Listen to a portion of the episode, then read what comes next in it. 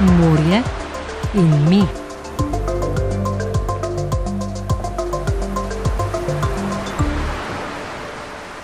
Prijavilo se je 18 ribičev, v minulih letih je bilo število prijav nekje okrog 12-13, torej tudi uspelih vlog je pet več kot minula leta, tako da dejansko bo zdaj aktivnih 15 ribičev na letošnjem izlovu.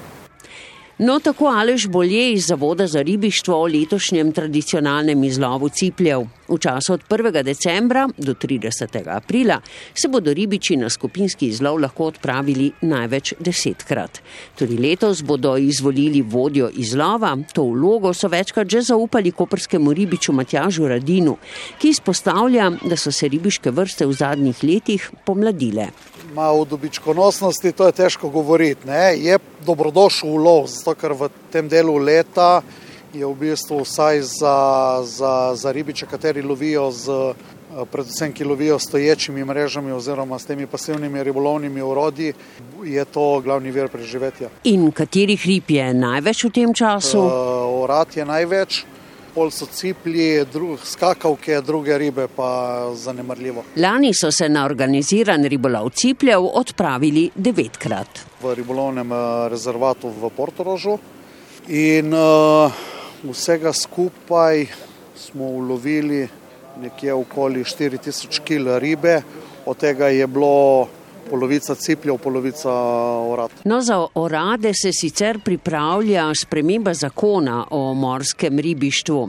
Če bo sprejeta, bo omogočila njihov izreden izlov tudi na območju školčišč, kar je zdaj prepovedano. Pojasnjuje bolje. Govorimo o tem, da bomo v nekaterih členih oziroma je v postopku zadeva spremenili obstoječi zakon o morskem ribištvu, predvsem v delih, ki onemogoča ribolov bliže kot 150 metrov od ribolovnih objektov oziroma od eh, školčišč. Ta sprememba bo pa omogočala, da bo lahko v primeru pojava orad v školčiščih ministrstvo eh, javno pozvalo ribiče za eh, izreden recimo izlov pa izreden ribolov orad, ki povzročajo škodo v školčiščih. Seveda na osnovi pozitivnega strokovnega mnenja Zavoda za ribištvo Slovenije. Torej, podariti je potrebno, da orade že kar nekaj let eh, povzročajo precej škode našim školkarjem. Ne govorimo o nekaj kilogramih, govorimo o nekaj deset ali tudi sto tonah školk, klapavic, ki jih orade seveda veselo pojedo v školčiščih. Ne.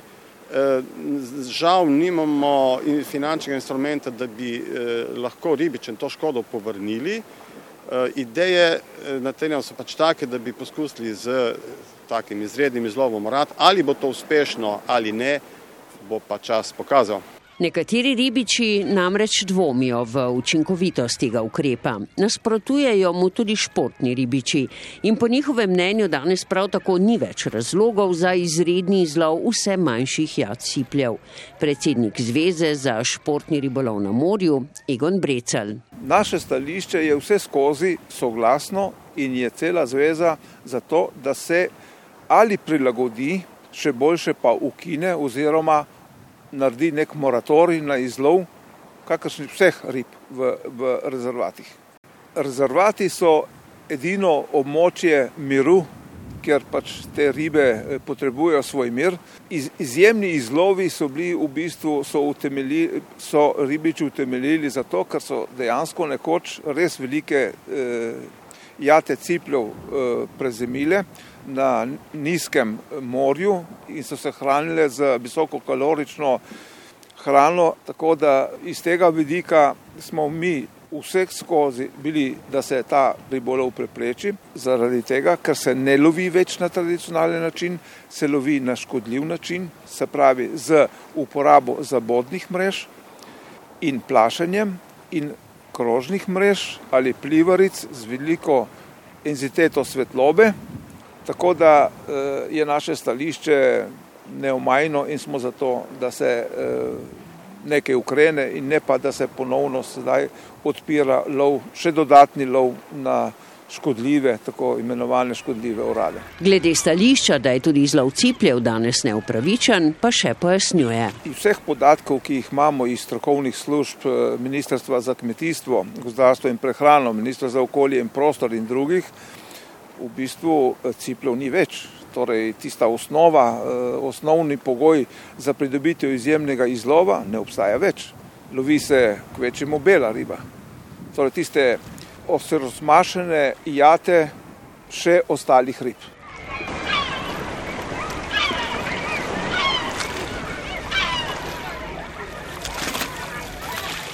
No, pretiran izlov in večje popraševanje po morski hrani, govorimo seveda v svetovnem merilu, pa sta tudi krivca za ponevirbe v ribiških izdelkih. Večinoma gre pri tem za zamenjave vrst, ki so lahko namirne ali nenamirne. Ponevirbe se dogajajo v celotni verigi, to je od ulova in akvakulture do potrošnika. Pojasnjuje dr. Andreja Ramšak iz Nacionalnega inštituta za biologijo. Recimo en tak primer je bil pred par leti so uh, naredili analizo po bruselskih restauracijah in so to objavili in so bili rezultati porazni. Tam 40 odstotkov, se pravi, jedi, ki so jih ponujali, morske hrane, je bila uh, potvorjena, ne? niso bile prave vrste. In to so potem objavili, in ko so čez dve leti naredili enako študijo, so ugotovili, da se je ta odstotek izjemno znižal. Se pravi, so gostinci in verjetno tudi regulatori nadzorne službe to vzeli resno. Pri nas je področje ponevirb še neraziskano. Zaznanih je relativno malo primerov. Zagotovo pa je, da se s povečevanjem uvoza zamrznjenih in konzerviranih ribjih izdelkov možnost za ponevirbe veča. Nekaj so jih odkrili tudi med vzorčanjem skupne raziskave Nacionalnega inštituta za biologijo in fakultete FAMNIT Univerze na Primorskem. V tej raziskavi so razvijali metode, ki na osnovi genetskega zapisa omogočajo čim bolj enostavno in hitro identifikacijo identifikacijo vrst. Namreč, kaj je problem? Problem je že pravilnik o trgovskih imenih, ki je zastarel in je samo v tiskani obliki in niti digitalen in ga je treba posodobiti. In recimo mi smo v tem enkratnem vzorčenju našli celo vrste, ki jih, na, uh, ki jih v pravilniku ni. Ne? In potem smo s pomočjo orodja, s pomočjo barkodiranja ugotovili, da sta bili deklarirani dve vrsti, na koncu pa sta pod imenom dveh vrst je bil samo ena vrsta indijskega lignja. Ne. Na Famnitu denimo so vzorčili konzervirano morsko hrano. Želeli so preveriti, ali se vsebina konzerve ujema z deklaracijo. Razvili so posebno metodo za identifikacijo toplotno obdelanih izdelkov iz sardonov, sardel, velikih sardel in papalin. O ugotovitvah pa dr. Lenka Baruca, Arbiter. Smo v bistvu skupno analizirali 34 uh, različnih konzerv, ki so pripadale 29 blagovnim znamkam. Prevladujejo konzerve s sardelami, potem sardoni, zelo redke, ne samo eno konzervo smo uspeli najti na trgu, ki ima papalino in pa eh, dve konzervi z perujskim sardonom. Samo pri eni konzervi vrsta, navedena na deklaraciji, da gre za srdelo, ni ustrezala. Mi s tem testom ne, nismo mogli ugotoviti, za katero drugo vrsto gre, se pravi, tu gre samo za potrjevanje tiste vrste, za katero je molekularni test razvit. Pri vseh ostalih primerjih smo prav tako uh, bili veseli, da nismo odkrili poneverb. Tako, v bistvu za zaključek smo zelo ponosni, no, da nam je uspelo razviti uh, štiri teste, ki nam omogočajo zanesljivo identik identifikacijo vrst. In upamo, da bomo lahko to vem, preverili tudi še v prihodnje, ali pa razvili še kakšne dodatne, ki so zanimivi za samo tržišče in za uh, potrošnike.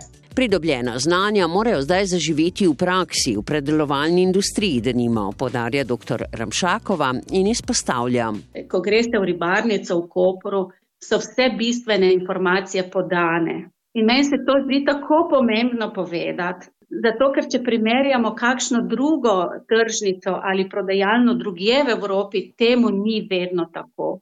Medtem ko naši ribiči lovijo tukaj pred našimi očmi in je vse, vse sestavine, so napisana vrsta, latinsko ime vrste, kje so lovili. Jaz mislim, da bi to morala vedeti cela Slovenija, ne? da se splača uživati oziroma da je vredno uživati slovenski ulov. Zato, ker je kratka ta oskrbna veriga, zanesljiva Ne, in, in točno vemo, kaj nam prodajajo. Ne. In ja, tudi za ribiške izdelke je pomembna sledljivost. Ni namreč vseeno, ali jemo jadranske ali patagonske lignje iz Atlantskega oceana. Alež bolje, Zavod za ribištvo. Če bi imeli celo tako zanesljive metode, bi to vsekakor pomagalo pri realnem vrednotenju posamezne vrste oziroma celo znotraj vrste glede na areal oziroma področje, kjer je bila ulovljena, kar seveda mora biti eh, podatek sobovalne deklaracije. K omejevanju poneverb prispevajo tako sistemske rešitve kot nadzor in ozaveščenost kupcev. Pred recimo 30-40 leti, če pretiravam, so nekateri gostinci prodajali ciplje ali skuše za brancine. Seveda je osveščenost in zavedanje, poznavanje poprečnega kupca danes tako, da to več ali manj odpade.